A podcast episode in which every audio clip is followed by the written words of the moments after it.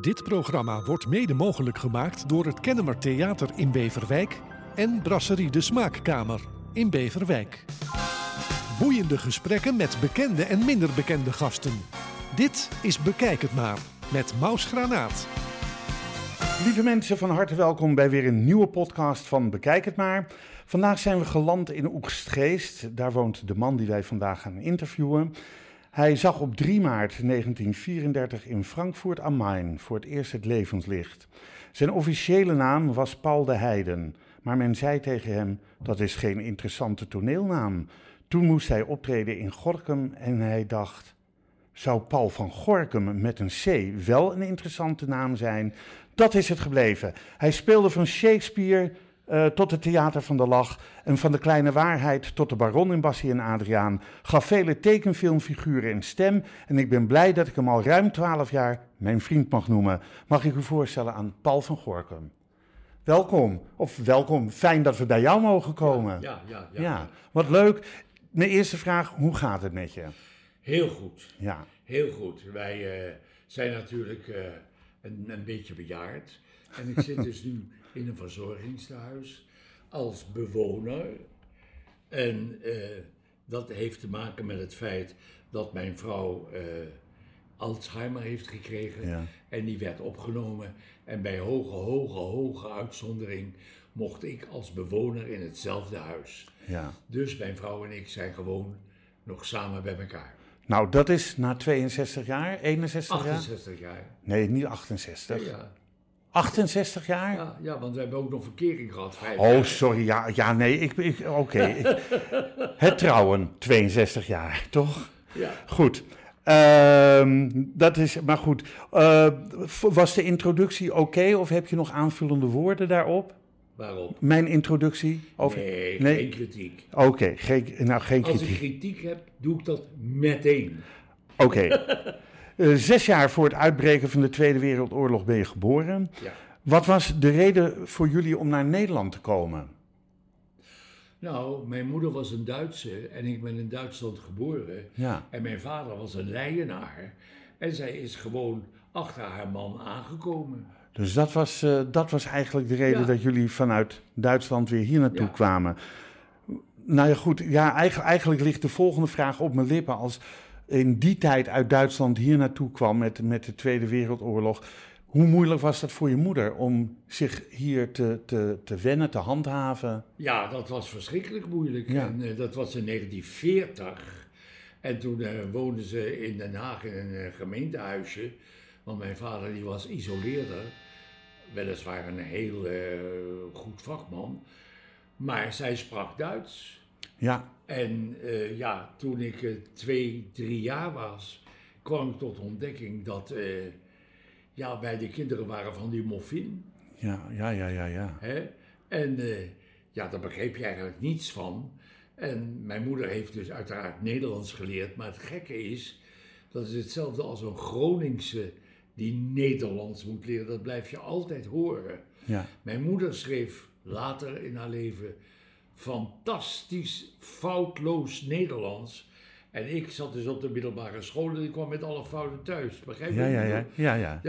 Ja, ze was een harde en een goede begeleidster. Ja. Oh, mooi.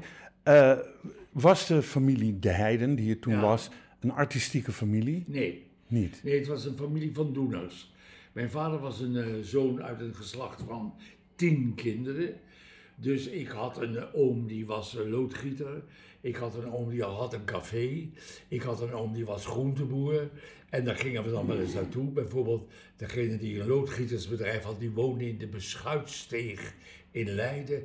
En dat vond ik fantastisch. Beschuitsteeg, daar, daar lagen waarschijnlijk de beschuitjes op straat, begrijp je? Ja. En dan kwam ik bij Tante Jo, heette ze.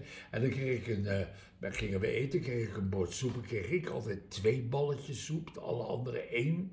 En dan zei ze daarna, en ga jij lekker spelen op de burcht? Ga maar naar de burcht. Nou, en dan speelde ik in mijn eentje of met andere kinderen op de burcht. In het café ben ik nooit geweest, maar ik had nog een oom, die was elektricien. En die tante, die, dat was een zuster van mijn vader, die at op vrijdag eh, lekkere boterhammen met dikke plakken worst. En die sneed ze op de, op de broodplank op tafel, vrijdags. Nou, ik zorgde toen ik kon fietsen en ik woonde in Den Haag, dan ging ik toevallig Naar even Leiden. bij mijn tante langs. en dan kwam ik binnen en dan zei ze, dag, kom maar zitten. Wat wil je? Hoeveel boterhammen? heb je?" Ja, ja het was heel leuk. Dus- Ja. Hele goede herinneringen. Eigenlijk, eh, Paul, was je eh, zes jaar toen je je entree op het toneel maakte Ja, in, de in het fantastische stuk Hans en Grietje. Ja. En jij, jij had de rol van Hans. ja. Ja. Hoe, hoe werd je, was er zo vroeg al jeugdtoneel of jeugdtheater waar Ja, je... Nou, het was zo. Mijn moeder, die is heel vroeg gescheiden van mijn vader. En die werd werkster. En die had inmiddels drie kinderen. Ja, en die moesten ergens ondergebracht worden als zij dus uit werken ging. En zaterdags, dan hoefden ze niet te werken. Maar ja, dan waren wij alle drie thuis en dat was ook weer druk enzovoort. En toen was ik zat op het jongenskoor van Jacob Hamel. Jacob Hamel, dat is een bekende naam Ja, van de radio van vroeger. ja. Ja. En daar zat ik als jongetje op. En ik weet het wel goed, hij, dat- hij stond achter de vleugel. En hij had een hele zaal allemaal jonge jongetjes. En dan zongen we bijvoorbeeld... ehm, de bloempjes gingen slapen, zij waren geurensmoe. En dan stond hij achter de vleugel en begeleidde en knikte met zijn hoofd. Die zingen, die zingen, tweestemmig en dat soort zaken. Maar toen brak de oorlog uit. En toen was van de ene op de andere dag was dat koor weg. Ja. Ja, dat was voor mijn moeder ook een probleem. En toen bleek er een kinderoperette te zijn in Den Haag. Van mevrouw Remy Chapel de Jode op de La van Meerdervoort. En nou, daar, dat had ze op de een of andere manier, was mijn moeder erachter gekomen. En die is met mij daar naartoe gegaan. En eh, daar mocht ik komen, alleen, we hadden een probleem. Het lidmaatschap kostte 1 gulden 50 per maand. En dat kon mijn moeder zich niet permitteren. Oh, echt, ze werkte zoveel, zei jij. Ja, ja, maar ze verdienden voor. Ze moesten huur, gas, water, licht en gaan. En dan kwamen ze met 11, 12 euro per week thuis. Gulden. Of gulden. Gulden hè? nog, ja. ja. En, per eh, week, ja, dan is dan 1,50 is een Heel veel, geld. Ja, want ja. je mocht niet ziek worden, je mocht niet naar de tandarts, je kon niet dit. Ja. En wij groeiden als kool, nieuwe schoenen, nieuwe broek. Mijn broers bijvoorbeeld, die zijn eigenlijk een beetje in jaloezie opgegroeid. Want ik was de oudste, dus als ik uit mijn broek gegroeid was, kreeg Jan hem. Ja. En als Jan eruit groeide, kreeg Henk hem. Dus zij kregen nooit een nieuw pak of een nieuw jasje of een nieuw weet ik veel wat. dat was had aan ik. jou voorbehouden. Ja. Ja. En dat bracht weer ruzie met zich mee. Ja. Nou, en toen werd ik bij die kinderoperette aangenomen, omdat ik een jongetje was en omdat die kinderoperette alleen bestond uit meisjes. En onder die voorwaarde dat mijn moeder aan niemand zou vertellen dat ze niets voor mij hoefde te betalen. Oké. En toen ben ik daar zes, zeven jaar geweest, langer zelfs. En ja, de eerste rol die ik speelde was Hans en Hans en Grietje. En daarna Pieter Smeerpoets en daarbij Koning Witbaard en weet ik veel wat allemaal. Allemaal jongensrollen, begrijp je? En een Petertje in de, de Parelprins. En zo ga je maar door. Ja, en ik deed dat heel met veel overgave. En, ze, en ja, we speelden in de Koninklijke Schouwburg, Gebouw van Kunst en Wetenschap, Intelligentia, grote theaters. Dus En dat zat ook vol met mensen. helemaal ja. uitverkocht. Als kindervoorstelling. Ja. Ja. Al die ouders zaten daar al en Ja. er waren er ooms en tantes en je kon ook kaartjes kopen. Ja. Nou ja, en dat heeft op een gegeven moment geleid dat ik speelde ook met eh, de kinderoperette in de, Scala in Den Haag. En toen was ik zelf, en toen was ik 16 jaar inmiddels, eh, ging ik naar een kindervoorstelling kijken van, nou, nou schiet me dat niet direct binnen hoe die heette, maar goed, een kindervoorstelling. En ik zat te zitten en te wachten en het, het begon maar niet, maar wat bleek, het was een Sinterklaasvoorstelling. En de man die Sinterklaas moest spelen had een auto-ongeluk gekregen. Dus de hele zaal zat te wachten op Sinterklaas, maar er was er geen. En toen had de toneelmeester gezegd, dat jongetje Paltje de Heiden zit in de zaal. Zou hij dat niet kunnen? Nou, toen hebben ze hem uit de zaal gehaald. Durf je dat? Ja, ik durf, dorst alles. Maar hoe oud was je toen? 17. Oh, een, een heel jong Sinterklaasje Ja. nog. Ja. En ik werd oud gemaakt door de grimeur en ik heb dat gedaan. En iedereen vond het geweldig. Oh, oh, oh, wat was dat goed. En toen werd ik het jaar daarop gevraagd door diezelfde vereniging... of ik nog één keer Sinterklaas wilde zijn bij een ernstig ziek kind. En ik met twee vriendjes, als Zwarte Piet, in een taxi daar naartoe als Sinterklaas. En toen kwam ik daar en er was een heel erg ziek meisje. Je hoeft helemaal geen arts te zijn om te zien dat het heel erg was. ja. En die had allerlei vragen. En ik ben bij haar gaan zitten aan bed. En ik heb heel lief met haar zitten praten. En het was heel moeilijk. En toen, wou ik, en toen moest ik op een gegeven moment dacht ik, nou. En toen zei ik, niet, niet waar Piet, maar de Pieten waren weg. En toen ik het, gesprek afgelopen en ik de gang opkwam, stond een van de Pieten op de gang te huilen. En die zei tegen mij, dat doe ik godverdomme nooit meer. Dat doe ik nooit meer. Dat doe ik niet meer. Die was helemaal overstuur. Ja. En die zei dat jij dat kon. En toen dacht ik, ja, ik wist helemaal niet dat ik dat kon. Maar ik kwam toen tot de ontdekking dat Sinterklaas zijn heel iets anders is dan een man die alleen maar pepernoten uitdeelt. En, eh, hè, en dat is eigenlijk de basis geweest van mijn 20, nou, mijn 71 jaar. 71 jaar ben ik Sinterklaas geweest. ja. Ongelooflijk. Ja. Je hebt, nou ja, goed, ik, ik had dat ook ergens nog als vraag dat je een, een goede band had met de Goed Heiligman eigenlijk. Ja, Zo ja, eh, op die manier. Maar goed, ehm, je, je hebt dat acteren doorgezet. Je hebt eh, acteerlessen gekregen van de legendarische Co van Dijk. Wat later ook een hele goede vriend van je is geworden.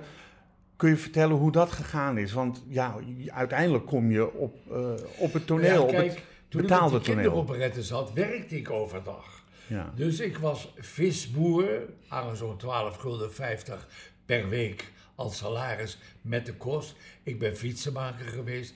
Ik heb in de bouw gewerkt.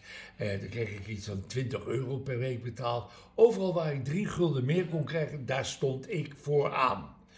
En toen was er op een gegeven moment, was, werkte ik in de bouw, stenen naar de eerste etage brengen. Nou, dan kreeg ik 20 gulden.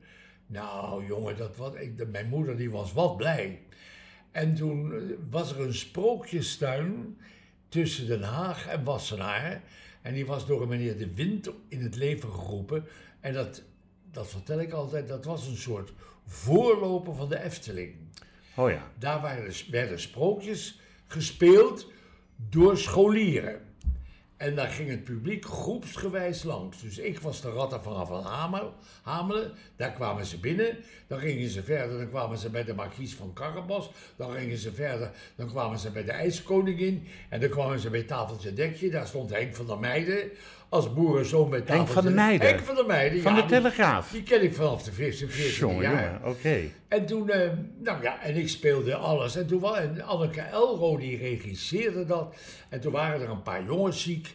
En toen zei ze, god, Paul, kan jij dat niet opnemen? Ja, en ik kon alles. Hè. Oh, je hoefde mij maar te vragen. Ik deed dat. Dus die mensen zagen eerst de ratten van, Ha- van Hamelen. Ze gingen naar het volgende object en daar kwam ik als de markies van Carabas naar buiten. De daaropvolgende keer was ik de prins van de ijskoningin. De daarop de, domme Hans. En zo ging dat. En toen kwam er een meneer naar mij toe. En die zei, eh, wat wil jij worden? Ik zei, ja, ik wil graag aan, aan het toneel, meneer. Ah, en die gaf een visitekaartje.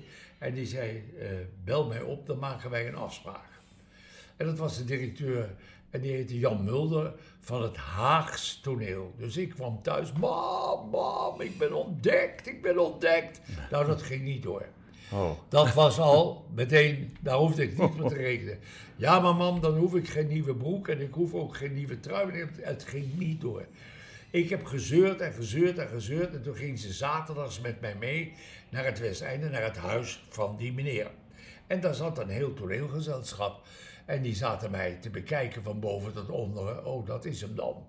En toen zei eh, meneer Mulder, eh, hier heb je een rol. En dan ga je naar het kabinetje hiernaast. Dan ga je dat zitten lezen. En dan speel je straks zoals jij denkt dat het moet. Nou, ik was de zoon van een miljonair. En eh, ik kwam met mijn verloofde de kamer binnen, want we hadden net paard gereden. En dan moest die verloofde begon een heel verhaal. En dan was het eind van haar rol, was niet waar Larry? En dan moest ik zeggen, ja geweldig. En ik stond daar te wachten, te wachten. En ze vertelde dat hele verhaal. En ik dacht, nou, ik heb handschoenen zogenaamd al, die deed maar uit. En ik heb een riempje onder mijn arm, want ik heb paard gereden. En toen hoorde ik, eh, niet waar Larry? En toen keek ik op en zei ik? Ja, geweldig. En, eh, toen zei die man, stop. Hij zei, waarom vertel je, waarom, waarom reageer jij zo? Ik zei, nou, ik ga iedere week met haar paard rijden. Iedere week heeft ze een fietsverhaal. Ik ben helemaal niet onder de indruk. En daar werd ik op aangenomen. Toen moest ik in een kabinetje moest ik een toneelstuk lezen, een rol. Ja. En dat was op een zaterdag. En toen zei hij, wanneer zou je dat kunnen spelen? Ik zei, nou, wanneer moet ik het spelen? Zei die dinsdag. Ik zei, ja hoor, dat kan ik. Hij zei, ja, als ik je aanneem, moet je decor laden, decor bouwen, belichten, geluid aansluiten en de rol spelen. En mijn moeder was daarbij. Die zat aan de zijkant. En toen zei ik, nou ja, dat, dat kan ik proberen. Ik denk wel dat ik dat kan. En toen zei ik tegen die man, maar meneer, mag ik u iets vragen? Ja. Wat krijg ik daarvoor betaald? En toen zei die man, 25 gulden per voorstelling, 20 voorstellingen per maand gegarandeerd. Ik verdiende 500 gulden per maand. Ik mocht van mijn moeder meteen aan toneel. Oh, er was er geen enkel. Nee, oh prima. Het nadeel was alleen, ik moest voor mijn eigen kleren zorgen. En toen heeft ze op diezelfde dag bij de gemeentelijke kredietbank 250 gulden geleend. Zijn we de stad ingegaan, dan kreeg ik een nieuw pak. Nou, dan waren mijn broers, die scheet al in hun broek van nijd. En een leuke trui en een leuk vest. En, eh, nou ja, en ik had mooi haar. Dus dat was alweer reden om jaloers te zijn. En toen ben ik vijf jaar bij dat gezelschap verbonden gebleven. En daar waren allemaal oude acteurs. En er was er één bij, Robert, Robert, mm, eh, en Gerard Roberts. Ja. En die zat zijn rol over te schrijven in een schoolschrift. Met een potlood. En toen zei ik, goh, waarom doet u dat? Hij zei, kijk, zei hij, als je het overschrijft, dan weet je het al voor de helft. Dat onthoud je. En dan kan je het makkelijker leren. Sindsdien heb ik altijd mijn rollen overgeschreven. Ja, ja. Nou, ik ben vijf jaar aan het gezelschap geweest. En toen werd ik langzaam weggekocht van hier naar daar. En ik was heel eigenwijs. Dat moet er ook nog bij zijn. Maar hoe kwam je nou met Ko van Dijk in contact? Nou, Ja. dat was heel makkelijk. Ik eh, wou op een gegeven moment bij een nieuwe komedie. Met Erik Vos. En ik heb geen toneelschool. En Erik Vos was maar een, twee jaar ouder dan ik. En ik stond in dat repetitielokaal. En ik had de opdracht gekregen een, eh, een stukje Shakespeare en een stukje Molière als auditie. En dan, misschien mocht ik dan blijven. En die man die kwam binnen, die streek zijn lange haren, ging lang in een fauteuil zitten en zei, nou meneer, doet u maar eens wat. En ik ben erg op etiketten en ik dacht, nou wat denkt die lul wel. Dus toen zei ik, u wilt een stukje Shakespeare? Ja. Aanvaarden met regering, met beleid, met vergoeding, moet alles, maar blablabla. een stukje Molière te zien, zolang als. En toen zei die directeur, ja, ik zie wel dat u toneel kunt spelen, maar ik mis het sprankje vuur. Ik zei, nou, dat mis ik Bij u ook? Mis ik bij u in de voorstelling. Ja. Ze zei, ja, je hebt geen toneelschool. Je kan komen als volontair. En eh, je salaris Maar dat betekent is- vrijwillig. Ja. En de salaris is 35 euro per maand. Ik zei toen, dat geven wij thuis aan onze werkster, dank u wel. Heb ik niet gedaan. Maar ik wou daar werken, want ze deden veel kostuumstukken. En toen heb ik het jaar erop weer gesolliciteerd. Kreeg ik weer Erik Vos aan de telefoon. En ik mocht weer komen te. Want wat was er gebeurd? In het gezelschap waar ik speelde, toen nog, daar speelde ik de knecht van twee meesters. En dat was de première in Rotterdam. En toen verkocht mijn gezelschap 24 voorstellingen aan de scholen. Daar wist ik niks van. Maar het bleek dat Erik Vos al jaren 24 voorstellingen van Rotterdam had met zijn voorstellingen. En ineens was dat afgelopen, want mijn voorstelling was gekocht. En toen had Erik gezegd, ja wie is dan de knecht? Ja, Paul van Gorkum. Nou, en nu belde ik, ik wilde weer graag komen. En toen mocht ik komen. En hij zei, hij kwam me tegemoet, want wij houden alles in portefeuille, zei hij. U mag dezelfde auditie doen. En toen kwam ik en toen zat er een heel gezelschap van mensen, waaronder andere Johan de Meester en eh, nog een paar beroemdheden, ik ben de namen kwijt. En toen eh, zei hij, gaat de gang. Ik zei, nou, ik een stukje Shakespeare, Cavada, mijn regering, mijn beleid, mijn vroeder, blablabla. Molière, het is niet zo laat, blablabla. Ik raffelde het net zoals het jaar daarvoor. En toen zei hij, u hoort van ons. En toen kwam ik thuis en toen ging de telefoon en toen was ik aangenomen. En toen speelde ik in het volgende stuk in een Maar niet voor Shakespeare. 25 gulden per maand. Nee, ik kreeg een, een, maandsalaris. Nou, en toen ben ik daar vijf jaar geweest en toen kwam ik tot de ontdekking dat hij mij in de maling had genomen voor bepaalde dingen. En toen heb ik mijn ontslag genomen. Maar inmiddels had ik gesolliciteerd, want het broeide al een hele tijd, bij Karel Goedman in Ensemble. En daar werd ik op slag aangenomen. En daar was Co van Dijk in De Drie Zusters. En toen leerde ik Co van Dijk kennen. En die, die kende hem al van zien, maar nooit persoonlijk.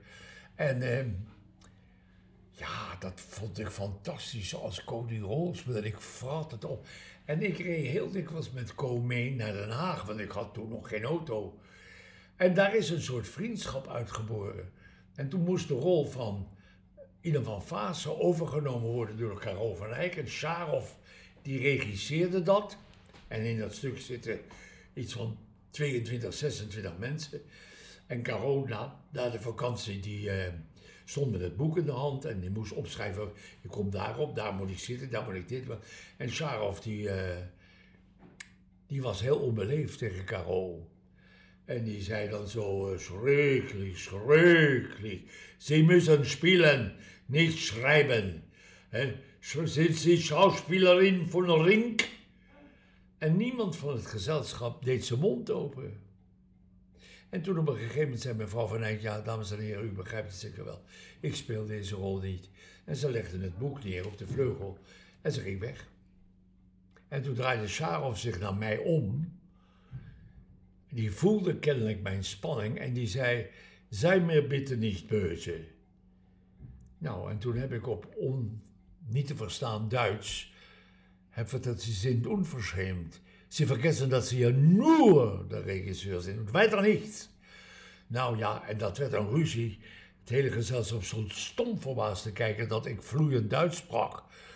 Maar ja, dat kwam dus door thuis. Ja. En eh, nou, Karel Goedman werd daarbij gehaald en ik moest mijn excuses afzeggen. Ik denk er niet over. Ik denk er niet over. Er zijn twee dingen mogelijk. De voorstelling gaat vanavond door of ik ga naar huis. En Karel Goedman die had iets van, eh, dat doet hij. Dus ik bleef. Maar wat gebeurde er?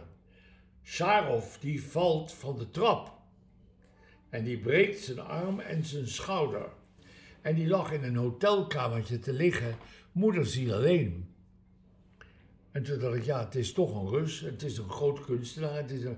Toen ben ik naar dat hotel gegaan, toen heb ik gezegd, als u wilt, mag u bij mij in de logeerkamer komen logeren.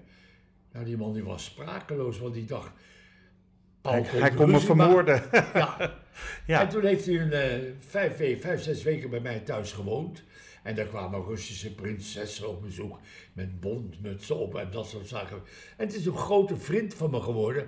Alleen op afstand, want toen hij wegging heb ik hem nooit meer ontmoet.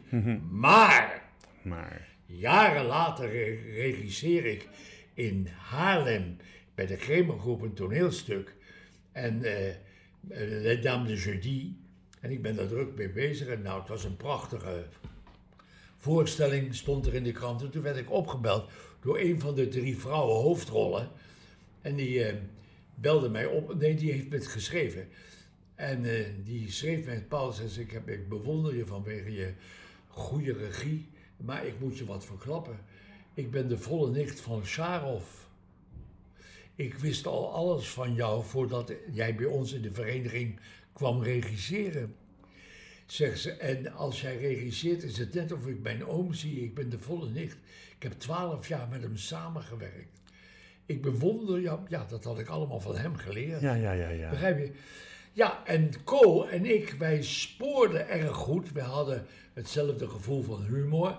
En als ons iets niet beviel, dan zei ik dat gewoon. Op straffen van ontslag. Maar ik ben nooit ontslagen. In de krant, mijn eerste rol was met Karel van Eyck. En daar stond in de krant: eh, het talent van Paul van Gorkum is navenant aan dat van mevrouw van Eyck. Nou, ik wist niet wat ik las. En toen ik dus de Wagenaar had Dat is wel een mooi compliment. Ja, ik heb de Wagenaar gedaan, was ik 25 jaar. Dat is een verschrikkelijk moeilijk stuk. Ja. En daar stond mijn naam stond zo groot in de krant. Ja, en zo ben ik van het een in het ander. En ik heb met Guus Oster en met Anne van der Moer en met, ja, met wie heb ik niet toneel gespeeld? Met Josephine van Gasteren, hè, met Guus Hermes, met Co van Dijk, met Jan Rattel. Hè. De enige Mary Dresselhuis, Maar ja, Mary Dresselhuis niet. Georgette Hagedorn. Ja, zo zei het. Mary, Mary Dresselhuis was niet bij Oh, oké. Nee, zeg, nee, nee, nee, nee. Heb je ook niet meegespeeld? Nee, natuurlijk. Ja, ik heb wel met haar gespeeld. Ja, Ja. natuurlijk. natuurlijk, Maar het was ja. een, eh, ze was aardiger voor het publiek dan voor de collega's. Oké. Ehm, in de tijd, Paul, dat je echt theateracteur was, van 52 tot 89, Ja. ehm, telde ik zo ongeveer 91 theatervoorstellingen. Dat betekent in 37 jaar ruim drie voorstellingen die jullie ongeveer tussen de 50 en 225 keer speelden. Eh, drie voorstellingen per jaar. Ja, ja. Ja, Door elkaar heen. Ja. door elkaar heen. Ja, Ja, ja, ja, ja, ja, ja. En? ja. en dat lijkt me soms verwarrend als Nee. je. Nee? Nee, nee. Nee, dat, dat is heel gek. Je...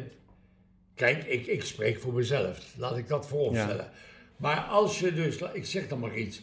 In... ehm, ja, hoe moet, ik, hoe, hoe moet ik dat nou precies uitleggen?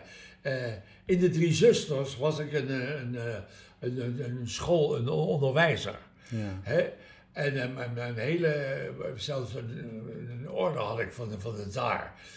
En als je dan met de auto naar Eindhoven rijdt of naar Maastricht, want dat vergeet namelijk het publiek dat bijna bij ieder Nederlandse toneelvoorstelling er 300 kilometer autorijden aan vastzit. Ja. Den Haag-Eindhoven is 125 kilometer. Ja. Ik heb uitgerekend dat een auto, ongeacht hoe hard die rijdt, 1 kilometer per minuut rijdt. ja. Dat had ik toen al uitgerekend. Ja, en dan zat ik in de auto en dan begon ik me daar al in in te leven. Klaar. ja. En dat was met het andere stuk ook. En wanneer, wanneer je een voorstelling tussen de 50 en 225 keer speelt, denk je er niet bij de achter- 48ste voorstelling, pff, gaan we weer. Nee hoor, want iedere zaal is anders. Als je dus, laten we zeggen, de voorstelling in Den Haag speelt, dan vinden ze prachtig, prachtig, prachtig. En dan ga je met diezelfde voorstelling naar Maastricht. Ja. En daar lachen ze niet op bepaalde dingen en dan reageren ze anders. Ons, ons volk is in die elf provincies zo verdeeld dat bijna overal reageert het publiek anders per voorstelling. ja. Ik, ik, ik heb bijvoorbeeld in Maastricht de voorstelling stilgezet. Omdat? Daar zaten leerlingen van de toneelschool die hadden hard op kritiek. Oh ja. En toen dacht ik, ik heb toch godverdorie geen 38 bladzijden tekst in mijn hoofd geleerd om me door die slotneuzen te laten bekritiseren. En toen ben ik uit mijn rol gestapt en ben naar voren gegaan. Toen heb ik gezegd, dames en heren, ik hoop u dat mij kwalijk Ik stop. Wij houden 20 minuten pauze en we zullen zien of we dan verder gaan. En toen ging het doek dicht. En toen werd ik door mijn collega, hoe ga wat doe ben jij weer gek? Hoe durf jij? En ik zei, nou, jongens, nog één grote bek voor jullie en ik ga naar huis. Zoek het allemaal zelf uit. Nou, en maar toen het doek open ging, kreeg ik een applaus van het publiek. ja. Want ze hadden het allemaal gehoord en ze gaven me ook groot gelijk. Maar het En is dat- ook moeilijk dan om je te concentreren en je gedachten ja. erbij te houden. Ja, en ik heb dus in Arnhem bijvoorbeeld, toen was Co van Dijk overleden. En toen ging ik naar de directie, want op die dag hadden wij voorstelling. En eh, toen zei ik tegen de directie, wordt er nog wat gedaan? Nee, waarom? Ik Ja. zei, nee, waarom? Ik zei, dat is de eerste acteur des lands. We hebben alles van hem meegemaakt en van hem geleerd. Ja, nee, nee, nee, was we daar aan gaan beginnen. En dan wilde het toeval dat ik in dat stuk als eerste opkwam. En eh, nou, we stonden al klaar en er werd geroepen, zaallicht. En voordat er geroepen werd, doek, want dan gaat het doek omhoog, schreeuwde ik ineens, zaallicht aan! En toen ben ik voor het doek gegaan en heb eh, een paar minuten stilte gevraagd. Voor de eerste acteur des lands. En toen kwam ik achter, toen stond het hele gezelschap, stond er, Paul, wat goed van je, oh, wat goed van je. En dat is helemaal niet goed, dat hadden we allemaal moeten doen. Ja, ja. Je bent een eenling in het stuk. En dat blijf je eigenlijk altijd, want er heerst ook een, een vorm van jaloezie. Begrijp je? En eh, ja, daar moet je tegen opgewassen zijn, laat ik het maar zo stellen. Ehm, je hebt, heb net ook gezegd met vele grootheden gewerkt eh, aan het eh, toneel. Eh, nou ja, van Ko van Dijk tot Ellen Vogel, zelfs Jos Brink, Georgette Hagedoorn, Ja. noemde ik net al. Ehm, aan wie of welk stuk wat je met één van die mensen hebt gespeeld, bewaar jij een dierbare herinnering? Eigenlijk aan geen enkel stuk. Ik, eh, ik heb zoveel dierbare herinneringen. Ik heb ook 42 plakboeken. Ja, Waar ook de overlijdensberichten van al mijn collega's in staan. ja, En de krantenberichten van hun overlijden. En dan valt me bijvoorbeeld op, ik heb vijf jaar met Erik Schneider gewerkt, dat er op het ogenblik in de krant een overlijdensbericht staat, niet groter dan vijf postzegels. ja, En dan denk ik, waar is onze cultuur? Ja. Wij moesten vroeger leren lopen, kostuums leren dragen. Daarbij kwam, dat is tegenwoordig ook niet meer, wij schminkten onszelf. Wij moesten onszelf schminken. Ik had een grote schminkdoos en nou ja, ik, ik zat dan thuis te repeteren. Dan moest ik ouder zijn of jonger, weet ik veel wat.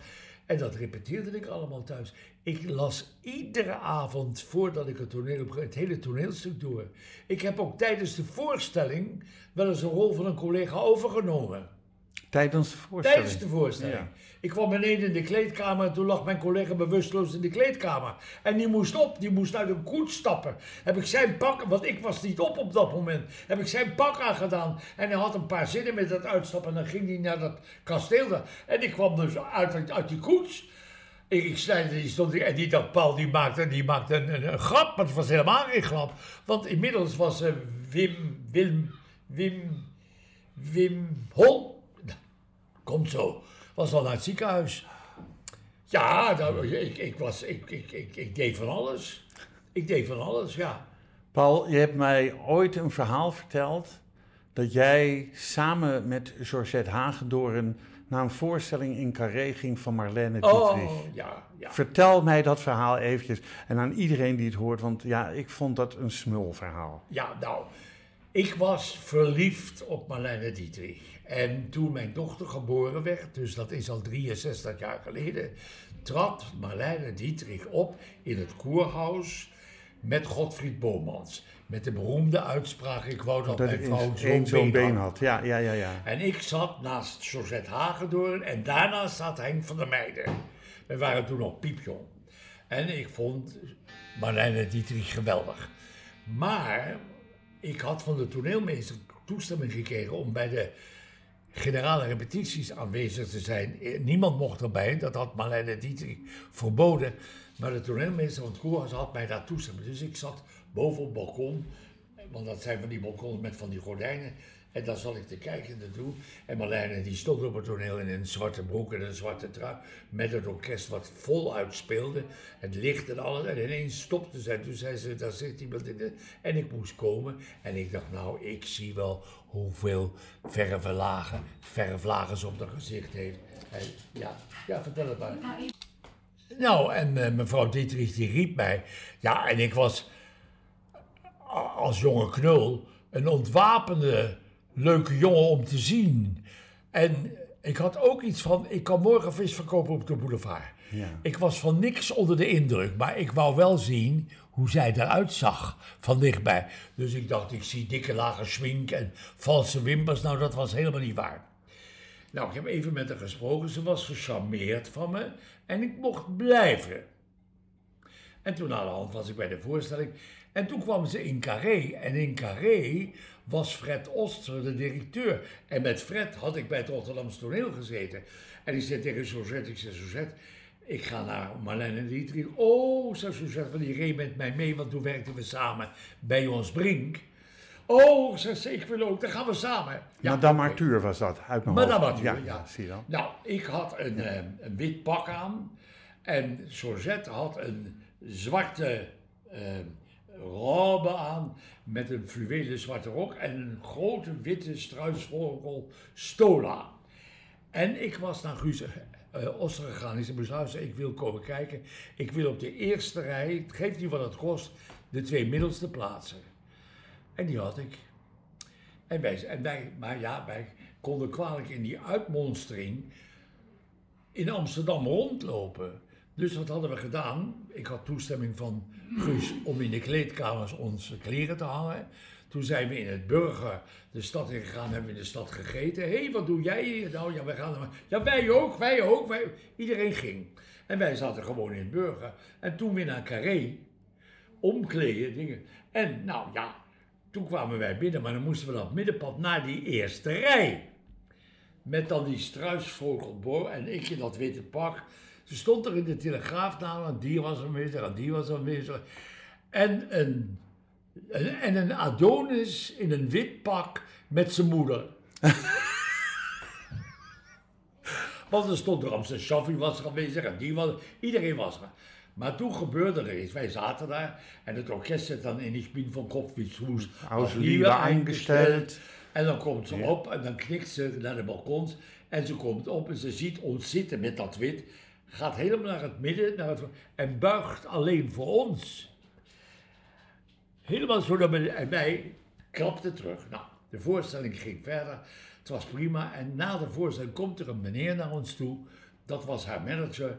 En zij nodigde ons uit om een borrel te komen drinken in Antwerpen. In een eh, hotel. Ik weet niet meer hoe het heet. Dat moet ik opzoeken, want het is alweer een tijd geleden. Vast het Koningin Astrid Hotel. Nee, nee, nee. Oh, het, niet. was een, eh, het was een heel groot hotel, heel groot. En dat was vroeger ook een klooster geweest. Er zat in dat hotel een, eh, een hele grote slaapkamer, maar dat was eigenlijk vroeger het altaar. En daar sliep zij.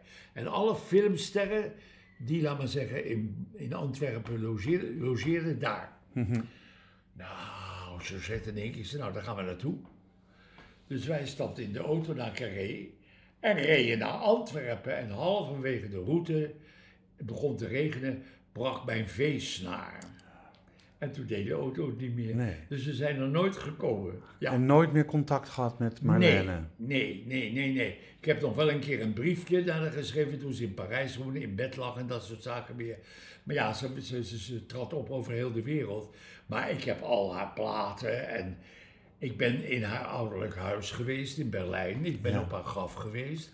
Ik ben op het graf van haar moeder geweest. Dat is aan, haar moeder ligt rechts van het pad en zij ligt links van het pad. Ja. En toen heb ik dus opgezocht in Berlijn waar ze woonde. En dat ouderlijk huis heb ik ook gezien. En dat heb ik nooit vergeten. En daar was nu een beddenwinkel ingemaakt in dat oude herenhuis. Waar ze gewoond had. Ze was de dochter van een officier. Ook uit de Eerste Wereldoorlog. En die winkel die heette Die Matratse. Dat zal ik nooit vergeten. Maar wat ik mooi vond van Marlene Dietrich is dat ze eh, na de Tweede Wereldoorlog nooit meer een woord Duits heeft gezongen. Nee, nee. En dat, dat vond ik wel heel tekenend ja, voor haar. Ja, ja, maar ja, want ze is, eh, heeft de hoogste onderscheiding van Frankrijk gekregen. Ja. Ze is uitgejouwd in Duitsland toen ze daar dus ook terugging op een miljoen mensen verzoek. Oké, maar dat lukte ook allemaal niet. Het was allemaal heel vervelend. Hm. En ja, ze is in Parijs is ze in eh, In Ja. stilte overleden. heel arm Alleen, overleden. ja. Ja, ja, ja, ja, ja, ja. ja. Ja. Ehm, volgens mij was zij ook nog bevriend met Edith Piaf eh, geweest. Nee, Niet? ze, eh, met, met, met, niet met Edith Piaf, maar met eh Je deux amours. Da, da, da, Ehm, nou, de Amerikaanse negerin. zullen we hem even parkeren? Ja, ja, ja, oké. Hoe heet ze ben- nou? Ik ben zo gespannen. Eh, Vanwege dit interview, nee toch, hoop ik? nee, nee, nee, maar dan, dat ik alles boven water moet halen. Hoe heet ze nou? Wereldberoemd met een bananenrogje aan. Oh, jij bedoelt, ehm, die, Ja. ja, Josephine Baker. Juist. Ja, En die was bevriend met, met de vrouw van Lou van Burg. Oké, En wij waren bevriend met de vrouw van Lou van Burg. En dan kwam dan Josephine Beker kwam dus bij die vrouw en bij Lou en dan waren wij er ook. Ja, nou, dat, zijn, dat zijn weer mooie Ja. verhalen. Ehm, je, je kan wel zeggen dat je heel veel eh, gewerkt hebt, altijd, Ja, tot op hoge leeftijd. Je hebt eh, ontzettend veel gedaan natuurlijk op het gebied van acteuren, acteren, maar je bent ook stemacteur, je Ja. bent regisseur, je doet voordrachten, je hebt musicals gedaan, klassiek toneel gedaan. Wat heb je nog nooit gedaan wat je eigenlijk wel altijd had willen doen? Eh, in een soap willen werken. Oh ja, Ja, ik heb nog nooit in een soap gestaan. Nee. en dat zou je nog wel willen. Ja, het heeft me trouwens verbaasd dat Omroep Max Ja. mij niet gevraagd heeft voor meneer Groen. Oh, Hendrik Groen, ja. Hendrik Groen. Ja, Dat speelde af in een bejaardencentrum. Ik ben over de 80, ik kon zo meedoen. Ja. En er zaten jonge acteurs in die oud gemaakt waren. Rob van der Meeberg zat daarin. Ja, en ook en niet zo jong. Celier. Ja, ja, ja, ja, ja. Ja. nou. Oh, wat jammer, ja. Ja, en... en, en en Denk je dan dat ze je vergeten zijn? Nee, maar kijk. Ja, hoe moet ik dat dan weer zeggen? Ik denk, ja, ik zal je een aardig verhaal vertellen. Er kwam bericht dat er een omroep Max kwam. Ja. Och, dacht ik, wat goed voor de ouderen. Nou, maar dan wil ik erbij. Dus hup, ik was lid. Ja. Het was ook heel goedkoop. Ja, 7 euro per jaar Eh, of zo. Helemaal niks. Ja. Ja, en eh, ik had er een begeleidend briefje bij. Voor de zekerheid dat ik. eh, ik stelde me eigenlijk voor. Ik heb nooit, nooit, nooit, nooit, nooit, nooit wat gehoord. En toen kwamen er inderdaad allerlei programma's met ouderen en van mijn leeftijd. En dat ik dacht, wat is daar toch de reden van? Ik denk dat meneer Slachter mij niet mag. En meneer Slachter is tien jaar jonger dan ik, die is ook op 3 maart geboren. Oh ja, ja, ja, ja. Hij is, hij is 70 geworden. Ik heb hem in 73. Oh, is hij, eh. 73. Nou, in ieder geval, ik heb hem eh, één keer ontmoet. Nou ja, en dan, eh, dag meneer Slachter, dag meneer Van Gorkum, klaar, verder niks. En dan denk ik, dit is raar, want er is natuurlijk een acteurslijst waar de regisseurs uit zoeken. Van die wil ik hebben en die wil ik hebben en die wil ik hebben. En als je nou, ja, het klinkt een beetje een, een acteur tegenkomt zoals ik, die al zoveel gedaan heeft. Ik heb bijvoorbeeld Jij zegt, je hebt filmen ingesproken, meer dan 10.000 heb ik erin gesproken. Ik ben Gargamel, ik ben eh, Captain Hook, ik ben Peter Pan, ik ben, weet ik veel wat ik allemaal ben. Ja, ja, ja. Steven Spielberg kent mij beter dan meneer Slachter. Kan je nagaan? Ja, ik heb een E.T.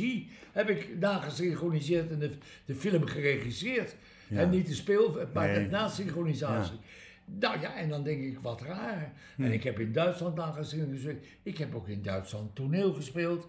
Goethe, nou dat is de Nederlandse Vondel. vondel. Ja. Dat is verschrikkelijk moeilijk. En eh, nou, ik deed dat wel eventjes. En ik heb daar echt, eh, daar moet je zelfs als Duitser voor gaan zitten, want dat doe je ook Dat hap je niet zomaar even Nee, weg. helemaal niet. Dat gezegd hebbende, Paul, Ja. eh, terugkijkend op jouw leven, waar ben je het meest trots op? Behalve op je vrouw en je kinderen natuurlijk. Ja, kijk.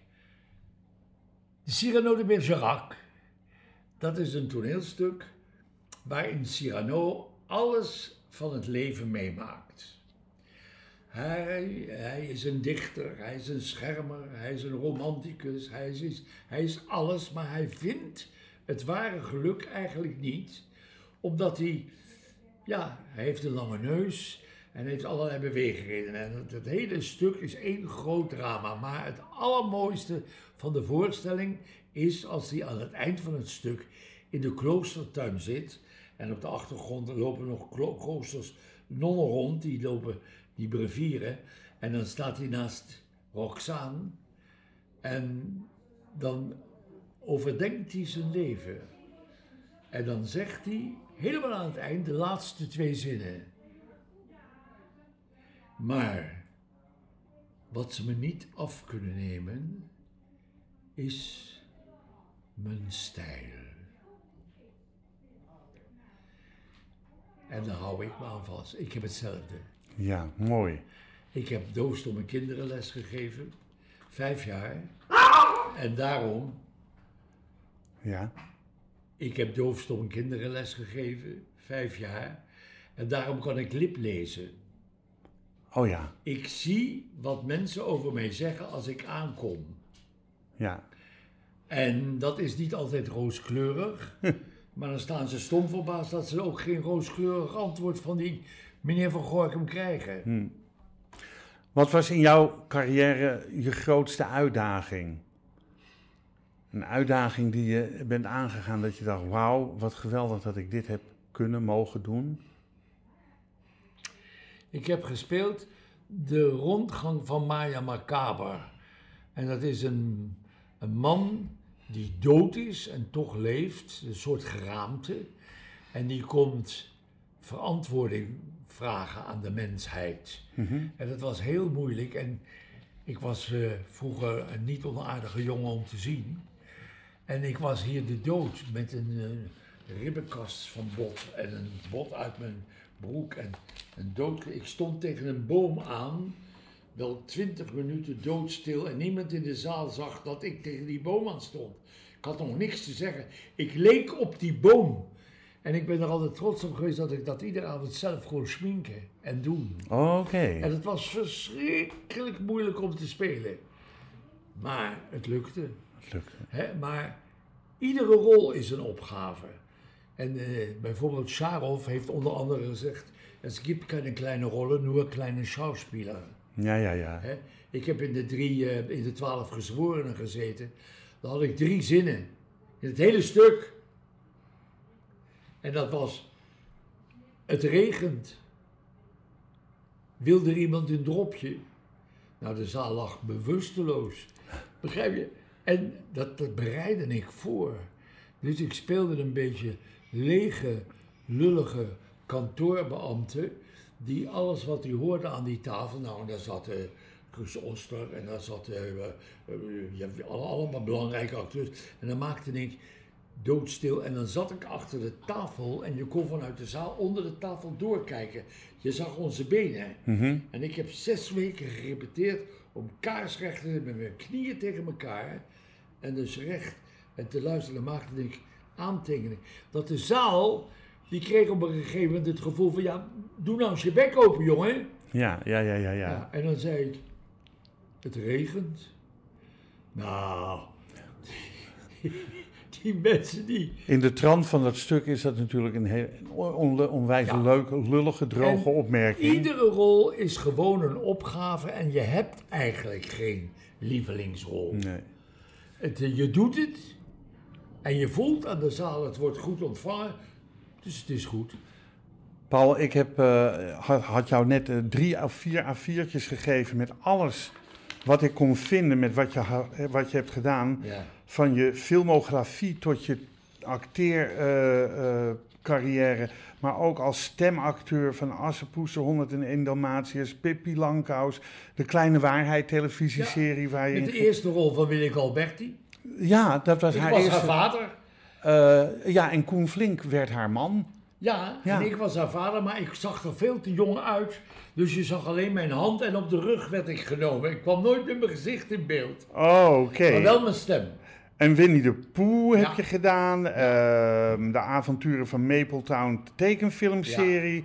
Ovide en zijn vriendjes. Ja. Eh, nou, ik, ik, zo kan ik nog wel even doorgaan. En als je, al die toneelrollen waar je er straks al een paar van hebt Ja. eh, genoemd.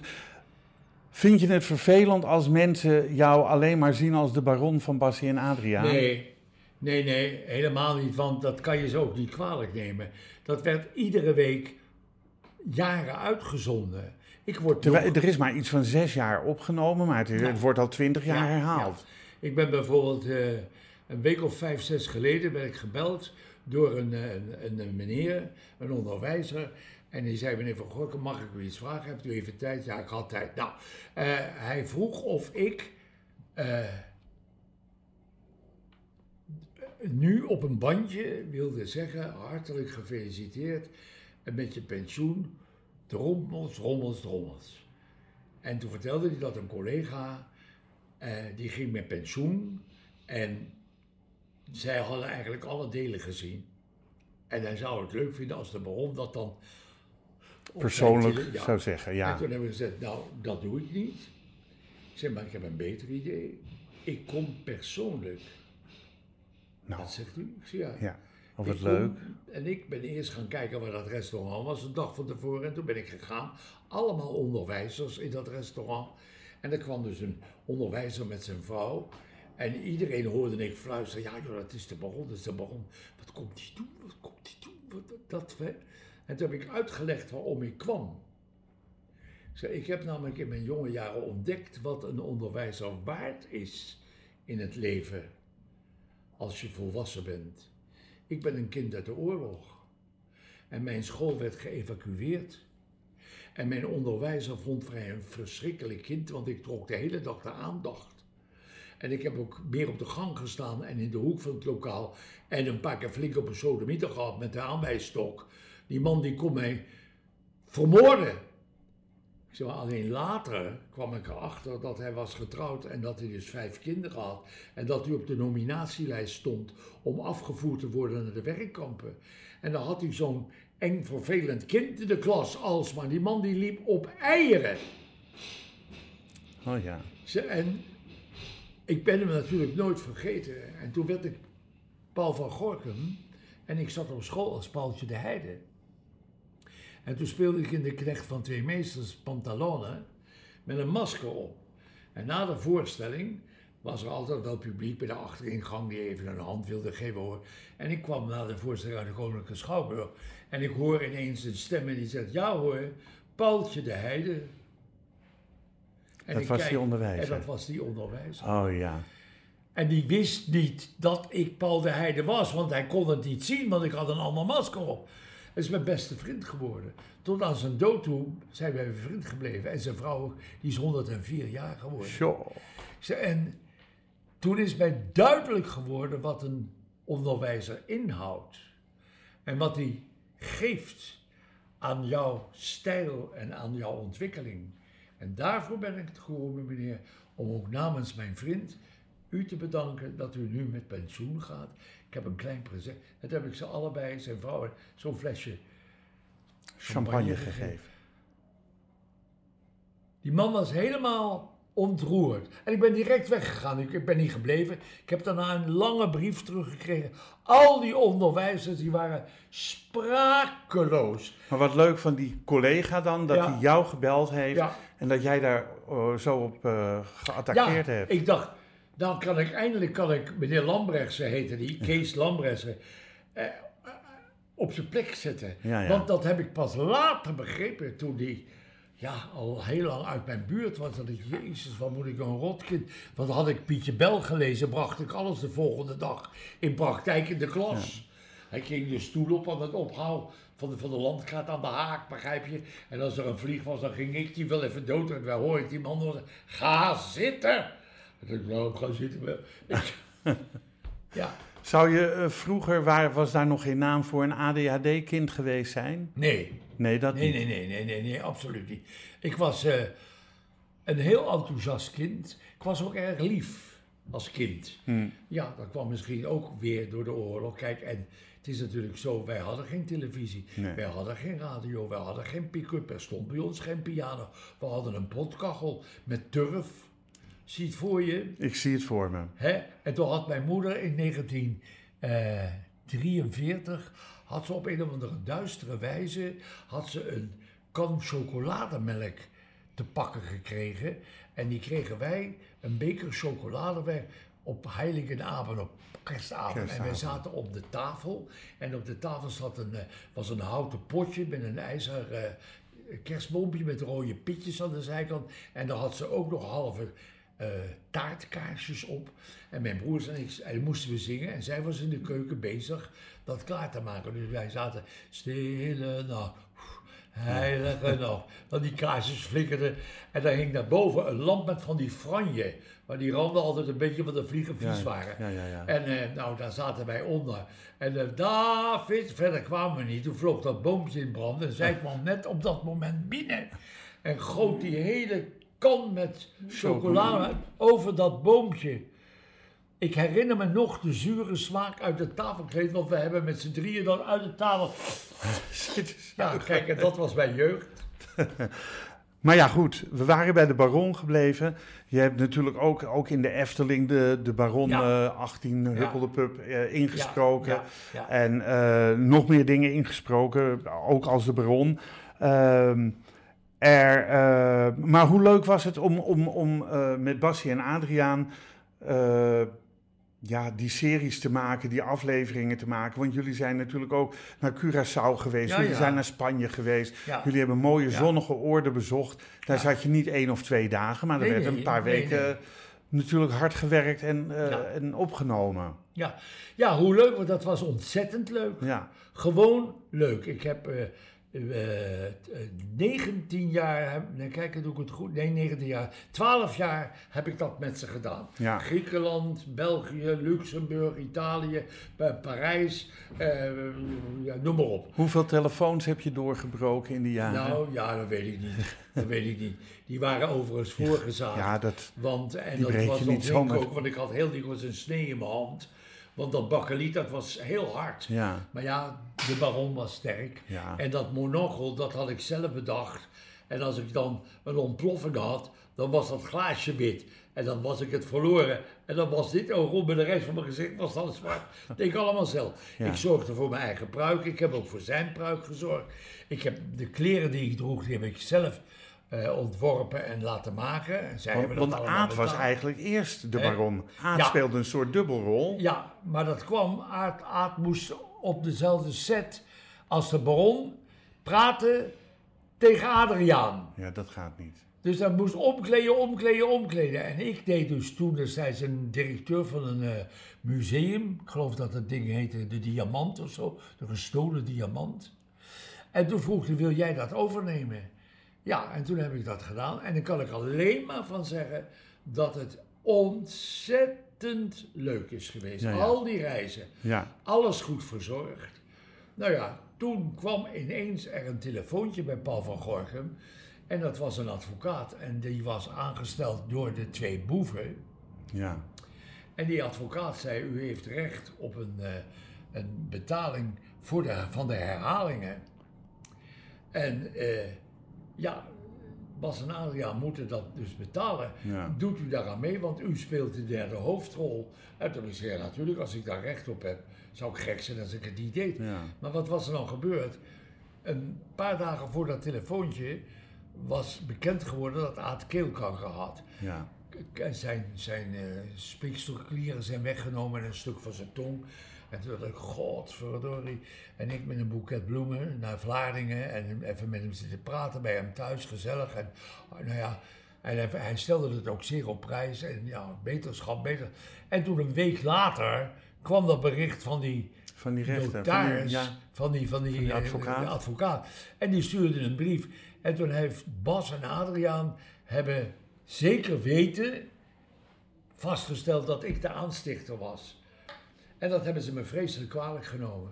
Wat jammer is dat, dat er dan Ja. zo'n conflict ontstaat. Ja. Na jarenlange Ja. leuke samenwerking. Ja, en, en heel lang. En we hebben op elkaars verjaardagen. En ja, ook in het buitenland met z'n allen dit doen en met z'n allen dat doen. En toen dacht ik, nou, ik heb geen zin om daar in, over in discussie te gaan. Hm. Hè? En, eh, dus ik heb daar nooit bij hen op gereageerd. Alleen voor de rechtbank.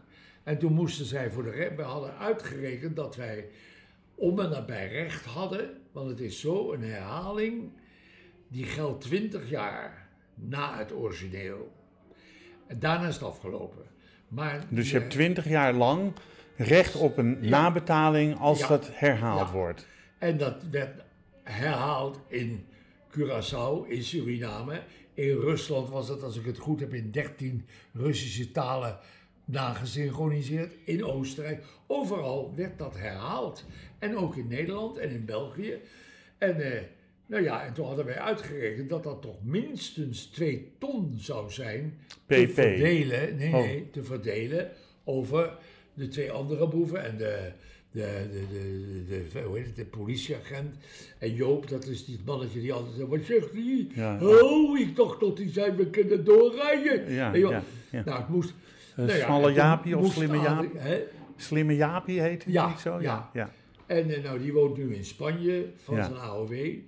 En toen, is, eh, en toen hebben zij wisten zeker dat ik de aanstichter was. Dat was helemaal niet waar. Nee. En toen ehm, was de uitspraak dat Bas en Adriaan moesten hun omzet aan de re- ba- rechtbank overleggen en hun merchandising. En dan zouden we horen. Nou, toen zijn we nog een keer voor. Toen, toen hadden wij het verloren. En toen heb ik gezegd, nou maar recht is recht. En toen hebben we opnieuw aan, toen is het weer voorgekomen. En toen hebben we het gewonnen en dat, wil, dat hield in dat alle spelers hebben 1100 euro gekregen. 1100. 1100. In plaats van 260.000 te verdelen. Ja, ja. En nog, Nou, het is bijna geen verschil, Paul. maar ik, zeg, ik vind het jammer, want dan zie ik ineens een Bassie in een rolstoel zitten als een heel ziek iemand en een oeroud mannetje. En ik zie Aad ook en dan denk ik, wat jammer, want we kwamen bij elkaar op verjaardag. Ja. Ik alleen, de andere boeven niet, begrijp je? En eh, ja, dan denk ik iedere keer, god wat is dat sneu dat het zo afgelopen is. Ja. Het had niet gehoeven. Nee. Maar ja, Het is zo gegaan en soms loopt het leven zoals het loopt. Ja, en het is zo, zij hebben namelijk het, eh, het, het copyrightrecht. Dus ik kan niet als de baron een reclame doen. Nee, Dus nee, oh nee. Dat begrijp is, dat ja. kan ook niet. Nee. Oh, oké. En dat doe ik ook niet. Nee. Dat doe ik gewoon niet. Klaar. Ik ben dus voor eh, eh, Coolblue. Ja, cool blue. Mo- Ben ik Trommels, trommels, trommels. Juist. En toen heb ik gezegd, ik wil dat doen, maar dan moeten we het veranderen. En eh, dan moeten we daarvan trommels. Ja, maar ook nou om die. En toen zei die directeur, meneer Van Gorkum, daar gaan we mee akkoord. Als ze eventueel daarop gaan reageren, zal onze juridische afdeling dit voor u overnemen. Nou, dat heb ik gedaan. En daar is niet op gereageerd Nee, door nee, de want mannen. het was duidelijk trommels, trommels, trommels. Ja. Maar toen was het zo. Ik vond het wel een leuke vondst, omdat het ging over witgoed. Ja, nou hartstikke Ja, en, en toen was het zo. Toen gingen we het dus opnemen. En toen werd ik, het, het was goed. In de zaak, Leni was erbij, de hond was erbij. Dan loop ik langs wastrommels. En dan zeg ik, trommels, trommels, trommels. Ja. Nou, en ik word opgebeld door de studio. Het was fout gegaan. Ik moest het opnieuw doen. Ik zei, nou, dat is uitstekend. Dus ik weer naar de studio toe. En toen heb ik het gewoon los zo opgenomen voor de microfoon. Ja, Maar dat was ook gefilmd. Ja, ja. En dat hebben ze gebruikt. Dat hebben ze Ja. eronder gezet, het Ja. geluid van... En ehm, toen zei die man, nou meneer Roggem, u mag een eh, tweede rekening sturen. Ik zei, dat doe ik niet. Waarom niet? Ik zei, dan moest luisteren waar gewerkt wordt. Worden Hoe fouten gemaakt, Vergissingen gemaakt. vergissingen. Dat ja. doen mensen niet expres. Nee. Als de technicus gehoord had dat het, niet fout, dat het fout was gegaan, had hij dat direct gezegd. Ja. Ik doe hier niet aan mee. Oh. Nou, ze waren stom verbaasd. Maar het scheelde wel een hele hap. Hè? Maar dan denk ik, nee, dat doe ik niet. Dat doe ik niet. Het- Mooi. het- zo zit ik hier Maar de volgende keer word je weer gevraagd. Hoop ik. Ja, tuurlijk. Hè? Paul, ehm, als je op de plaats zou zitten waar Mark Rutte nu zit, Ja, wat zou jij anders doen dan hij? Eén ding.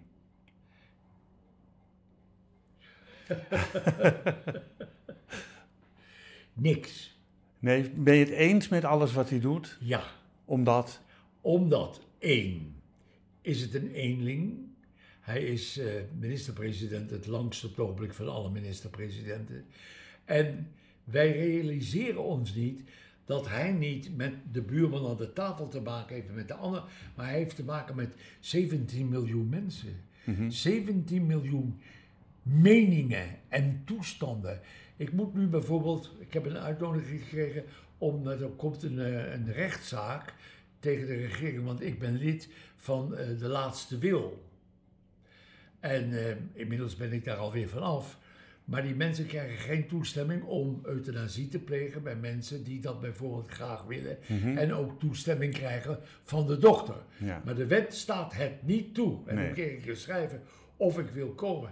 En dan denk ik, ja, dat wil ik best doen. Maar toen dacht ik, dan, ik ga niet voor mijn eigen veiligheid. Want die laatste wil, die praat volgens mij met twee monden.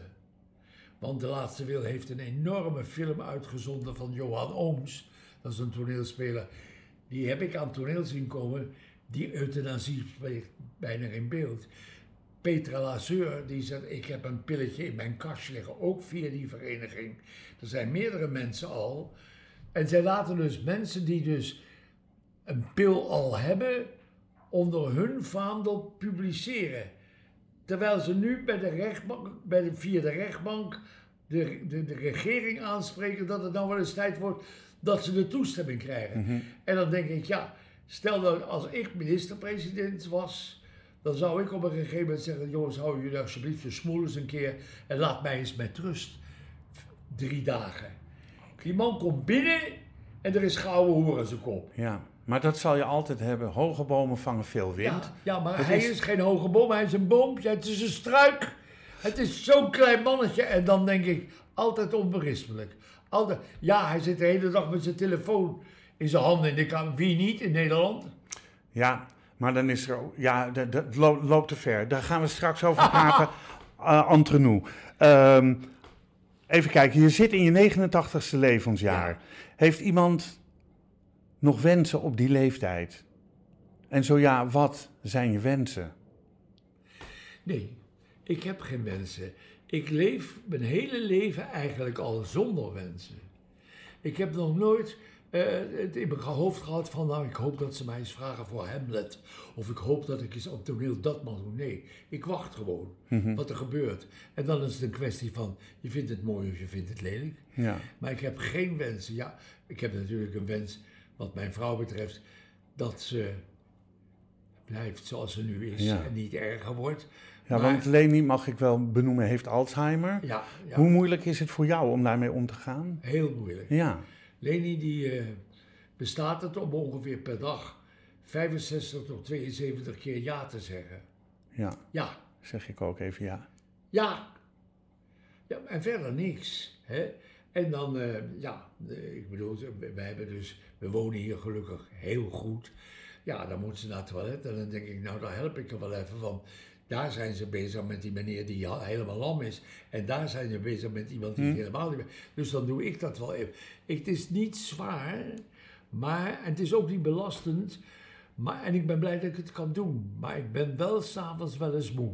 ja. Dat mag als je, Ja, als je eh, deze leeftijd hebt bereikt. En vergeet natuurlijk niet, zij heeft dat vreselijke ongeluk achter de rug. Ja, Dat heeft ook ingegrepen in mijn hele huwelijksleven. ja. En dat is de oorzaak van die Alzheimer. Uh-uh. Ik heb haar laten onderzoeken en er is uitgekomen dat ze heeft eh, negen zeer, zeer zware operaties gehad toen.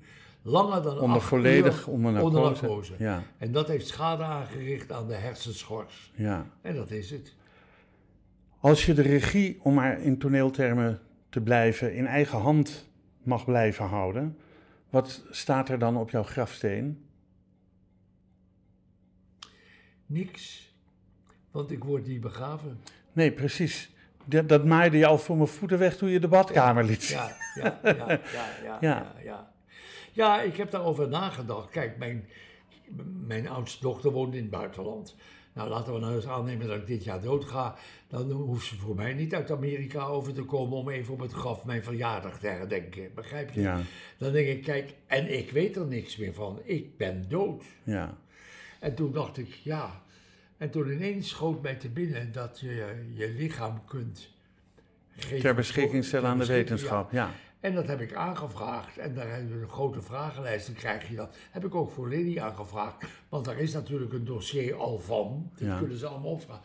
En ik heb het met de huisdokter besproken. En met de dokter hier. en met je dochter? En met mijn dochter natuurlijk. Nou, die zei, pa, wat fantastisch. Oké, Nou, ja. En ik heb daar heel erg vrede mee. Dat heet, houdt in geen begrafenis, geen berichten in de pers. Alles, ik ben in stilte gekomen en ik verdwijn in stilte. Alleen zij die mij gekend hebben, zullen nog wel eens over me praten. Lieve Paul, mag ik je nog heel veel mooie jaren in goede gezondheid toewensen. Ja, ja. Je bedanken voor dit interview. Ehm, de podcast eh, die u eh, geluisterd heeft wordt uitgegeven door de Vrijstaat Roots. Alles is na te lezen op www.bekijkhetmaar.com. Bedankt voor het luisteren en wat mij betreft graag tot de volgende podcast. Dit programma werd mede mogelijk gemaakt door het Kennemer Theater in Beverwijk en Brasserie de Smaakkamer in Beverwijk.